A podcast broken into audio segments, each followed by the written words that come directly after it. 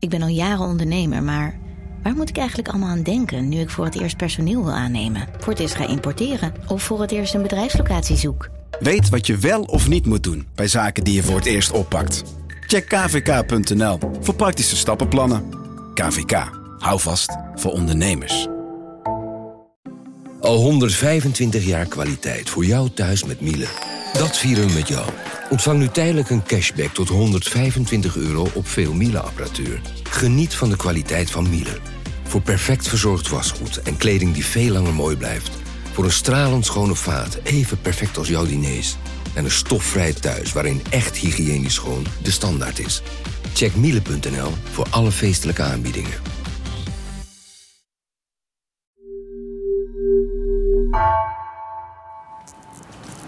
Welke kant lopen we nu op?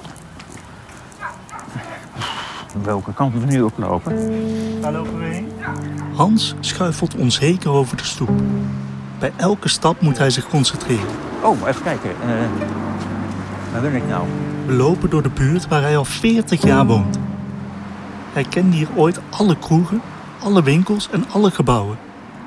Maar nu heeft hij al vijf jaar de ziekte van Alzheimer. P, PH, PH, PH, PH. Iedereen hier kent hem. Hé hey, Hans. Hé. Hey. Hey. Uh, wie was die mevrouw, weet je dat? Nee, nee, nee, nee ja. Uh, dat weet ik niet. Ik denk wel dat ze, dat ze jou herkende. Ja, dat wel. Meestal. uh, lijkt me niet. Hij wil niets laten zien. En waarom vind je het moeilijk om het nu te vinden? Nou, omdat ze helemaal alles hebben verbouwd. Hans staart verward En, uh, naar een straatnaambordje. En ik zie zijn blik langs de grachtenpanden glijden. Ik probeer te raden wat hij me wil laten zien. Heet dit de Prins, Prins Hendrik Laan? Prins Hendrik. PH en nog wat. Nu komen we het zo nog tegen. Maar je bedoelde niet dit, uh, het gebouw, Prins Hendrik? Nee, nou ja, nee, niet, niet, niet dit, nee. De PH, uh, ja, verloor ik. Zit hier? Opeens belt hij ergens aan. Hallo, mijn naam is Robertus. Maar het doet niemand open. Hallo. Wat Hans me wil laten zien, ontdek ik niet. Maar na deze wandeling besef ik wel iets. Hans zal niet meer lang zelfstandig over straat kunnen. Als het een beetje donkerder wordt, dan is het over voor me. Dan kan ik als helemaal verdwalen. Ik zie het wel, maar ik kan het niet meer vinden. Heel, dat is het gekke gewoon. Er moet over zijn toekomst worden gepraat. Maar hoe doe je dat? Als je weet dat alles alleen maar minder wordt.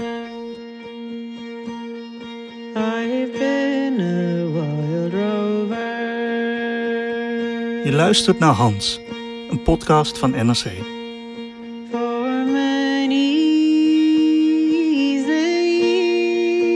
Ik ben Enzo van Steenbergen en al jarenlang kom ik over de vloer bij Hans Gobertus, een verwarmingsmonteur uit Amsterdam.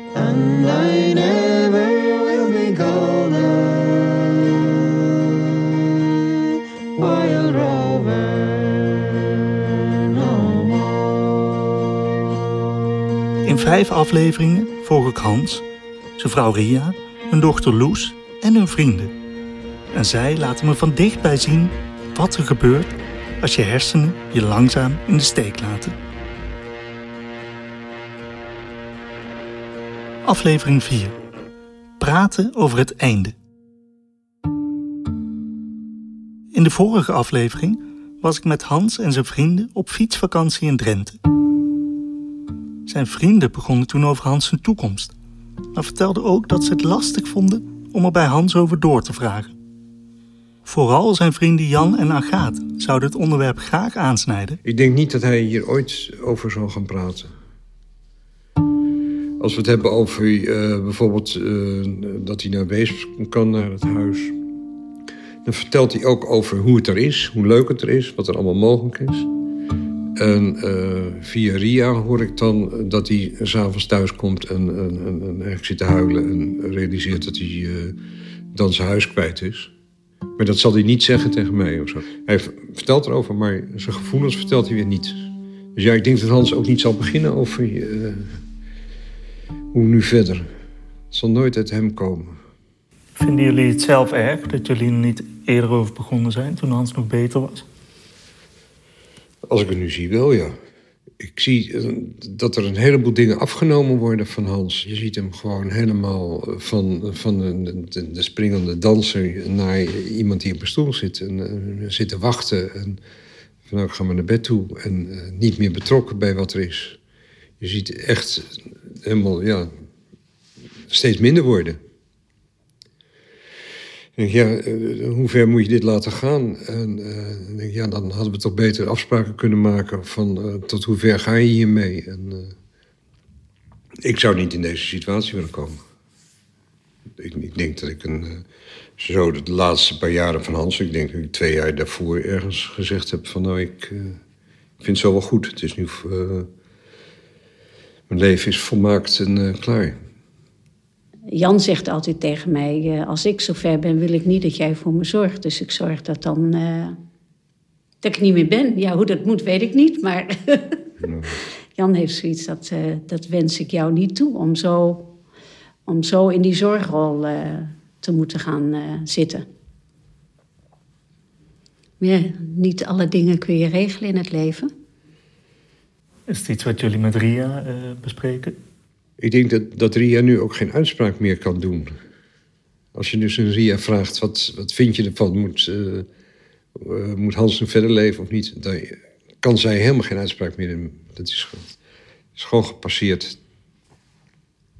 Het is voor ons al moeilijk om natuurlijk te zeggen van... nou, ik vind dat Hans uh, het zo goed en dan moeten we een eind te maken.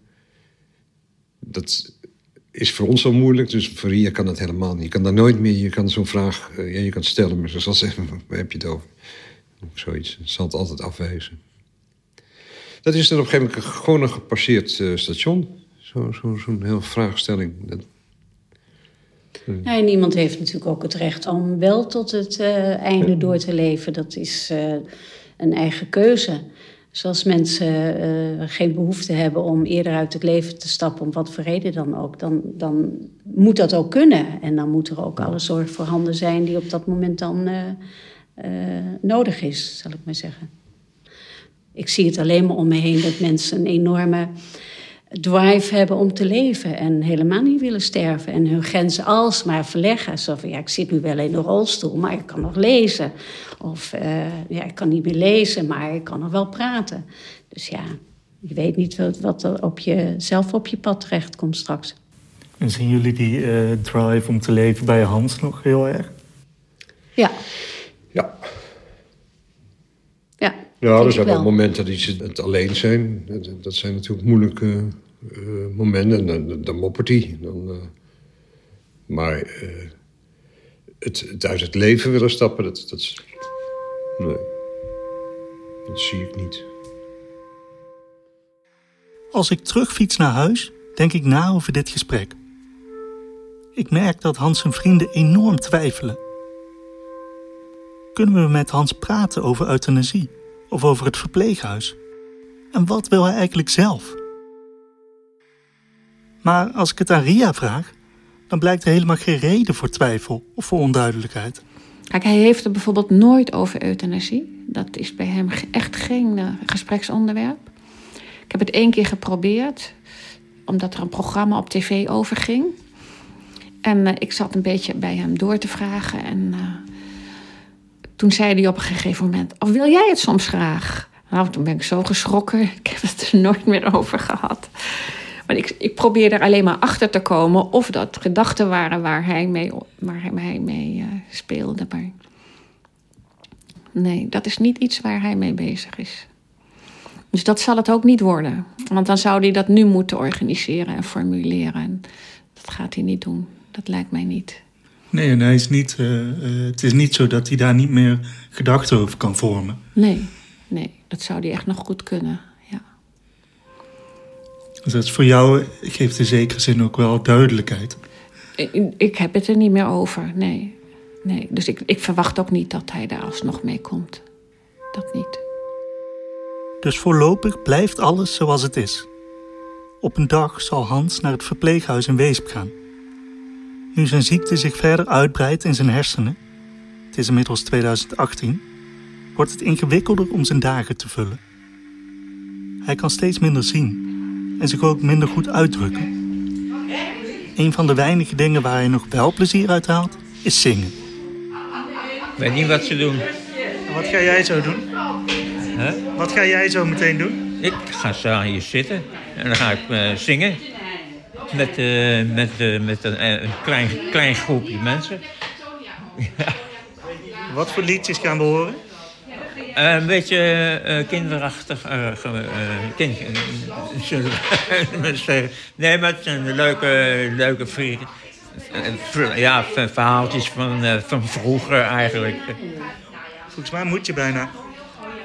In een oud keukentje zit een groepje ouderen die dementie hebben aan een grote ronde tafel. In het midden zit een muziektherapeut die op haar gitaar de begeleiding doet. Hans gaat naast haar zitten.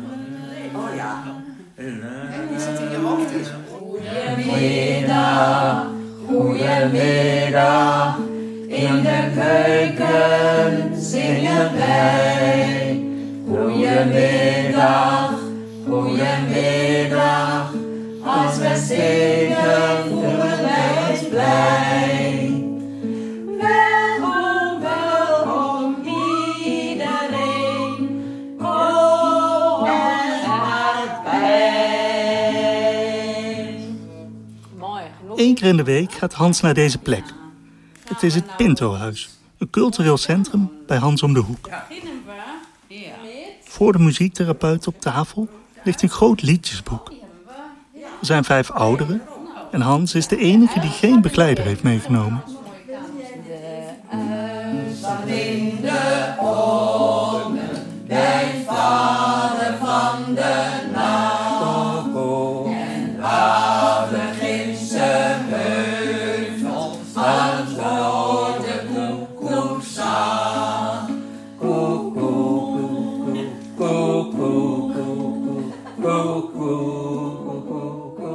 Hans is er in dit groepje nog het beste aan toe. Twee vrouwen wiegen een beetje op en neer, terwijl ze mompelend proberen mee te doen. Het is bijna alsof ik zie wat er allemaal nog met Hans kan gaan gebeuren de komende tijd. Maar Hans lijkt daar helemaal geen last van te hebben. Bonnie is over the ocean. My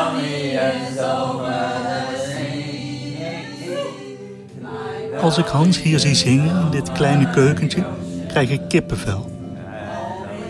Ik denk dat het komt door het idee dat het leven zo klein kan worden en zo ongrijpbaar.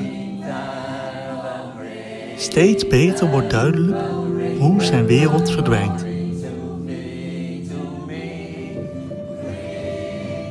Ik denk aan mijn gesprekken met Hans, Ria en Loes over zijn ziekte. Ze zijn heel open, maar ze blijven ook altijd heel rationeel als het over de moeilijke kanten gaat. Het is niet dat eh, ik er totaal niet over nadenk, maar eh, kijk, we hebben allemaal een beetje de houding dat we toch er niet te veel mee bezig zijn. Want ja, Als ik Loes ernaar vraag, zitten we in de woonkamer van haar zelfgebouwde houten huis. We weten allemaal wel dat het achteruit gaat. Dan hoef je niet eh, continu heel erg mee bezig te zijn. Frank, de vriend van Loes, eh, is het gesprek aan het volgen. Hij wil niet zomaar inbreken, maar ik merk dat hij graag iets wil zeggen. Van mij mag het hoor. Ja, je mag best wel wat van mij eh, zeggen hoor. Ja, ik weet ook niet of het... Ja, Mag je iets dichterbij de... Tuurlijk vindt Anseria dat prima joh. Die, eh, iedereen doet mee. eh ook hun vrienden. Nee, ik, ik kom wel uit een heel ander gezin eigenlijk. Ik denk, bij mij praten we ook heel veel over... ehm, ook over gevoelens. en ik merk bij eigenlijk eh, Hans, Ria en Loes... dat ze zijn gewoon heel erg van, van aanpakken en van doorgaan. Dus ja, toen op een gegeven moment steeds duidelijker werd dat uh, wat, wat die Alzheimer voor Hans ging betekenen. Voor, voor mij was het heel bijzonder om te zien hoe, uh, ja, hoe nuchter eigenlijk iedereen daaronder bleef. Nou, ik, ik, ik vind eigenlijk relatief hebben jullie het er heel weinig over. Omdat, ja, uh, ja wat heeft het voor nut om het erover te hebben? Ja, het, is een gegeven. En met dat gegeven ga je verder. Maar ik zou dat veel moeilijker vinden om, dat, om, om die stap te kunnen zetten. En ik vind dat heel erg knap om te zien hoe, hoe zij drie daarmee omgaan. Het is interessant om Franks verbazing te horen. Want ik voel die zelf ook wel een beetje. Ik vind het bijvoorbeeld best heftig om te zien hoe Hans kinderliedjes zingt tussen de dementerende ouderen. Maar als ik dan vraag wat het met hen doet, houden ze het vooral luchtig. Ik ben eigenlijk degene die vraagt van uh, hoe hij zich nu voelt of hoe het gaat. Maar ja, dat is eigenlijk een hele slechte vraag. Want ja, het is, het is altijd weer een stukje slechter dan, uh, dan de keer ervoor dat ik het vroeg. Ja, naar mijn idee vraag ik wel af en toe aan, aan mijn vader hoe het met hem gaat. Maar misschien wat minder vergaand dan uh, hoe Frank dat zou doen met zijn ouders als dat zou spelen. Ja. Dus dat, ja, dat is iets wat wij gewoon nooit heel erg hebben gehad in ons gezin om daar heel diep over. Nee, dat was vroeger al zo. Dat is altijd al zo, ja. En, en, met Ria bijvoorbeeld, de, um, uh, want voor haar is, is het ook uh, zwaar. Ja, natuurlijk praten we met haar wel ook uh, af en toe over. Um, en ja, wat dat, dat zij dan nu dat tekenen doet, dat dat fijn voor haar is. En dat die vrienden er zijn. En ja, ik, denk wel eens van, ja, misschien zou ik, ik zou wel weer meer willen ontlasten. Alleen het is zo lastig om dat ook waar te maken. Als het dan echt een vaste dag in de week zou worden of zo, dat, dat is nogal een impact. Um, dus dat vind ik soms wel lastig als je daar te veel over nadenkt. Over. Ja, dan zou je dat eigenlijk wel willen, maar het is ook weer lastig.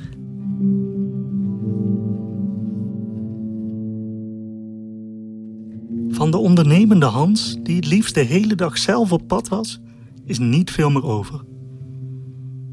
Zijn vrienden hebben het erover om een schema te maken, zodat elke week iemand iets leuks met Hans kan gaan doen.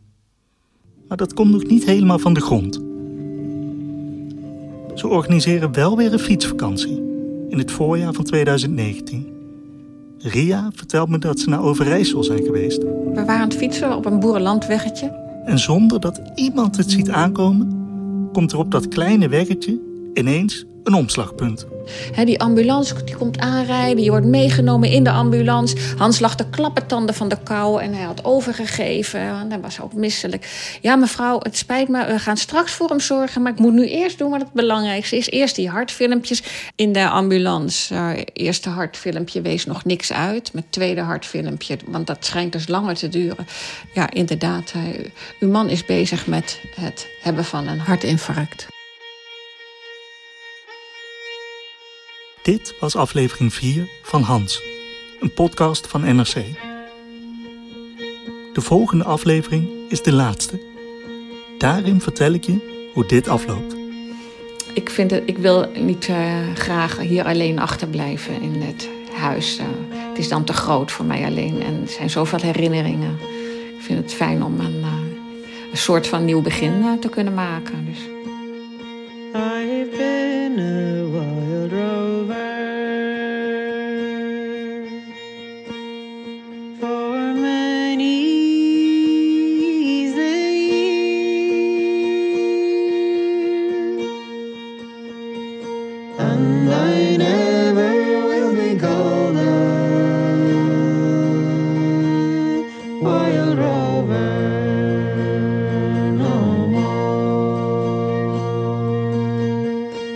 Deze podcast werd gemaakt door mij, Enzo van Steenbergen, door Nina van Hattem en Mirjam van Zuidam. De montage werd gedaan door Jan-Paul de Bond en door Nina. En zij schreef ook, samen met mij, de scenario's. Volgende week komt de volgende aflevering online. In de tussentijd kan je in de NRC Audio-app luisteren naar alle afleveringen van Hans. Of natuurlijk naar andere verhalende podcasts die de moeite waard zijn, zoals Paro Radio of het drieluik over Napoleon van onze eigen wetenschapsredactie. Technologie lijkt tegenwoordig het antwoord op iedere uitdaging. Bij PwC zien we dit anders. Als we de potentie van technologie willen benutten, kunnen we niet zonder een menselijk perspectief. Human-led, tech-powered noemen we dat. Ga naar pwc.nl.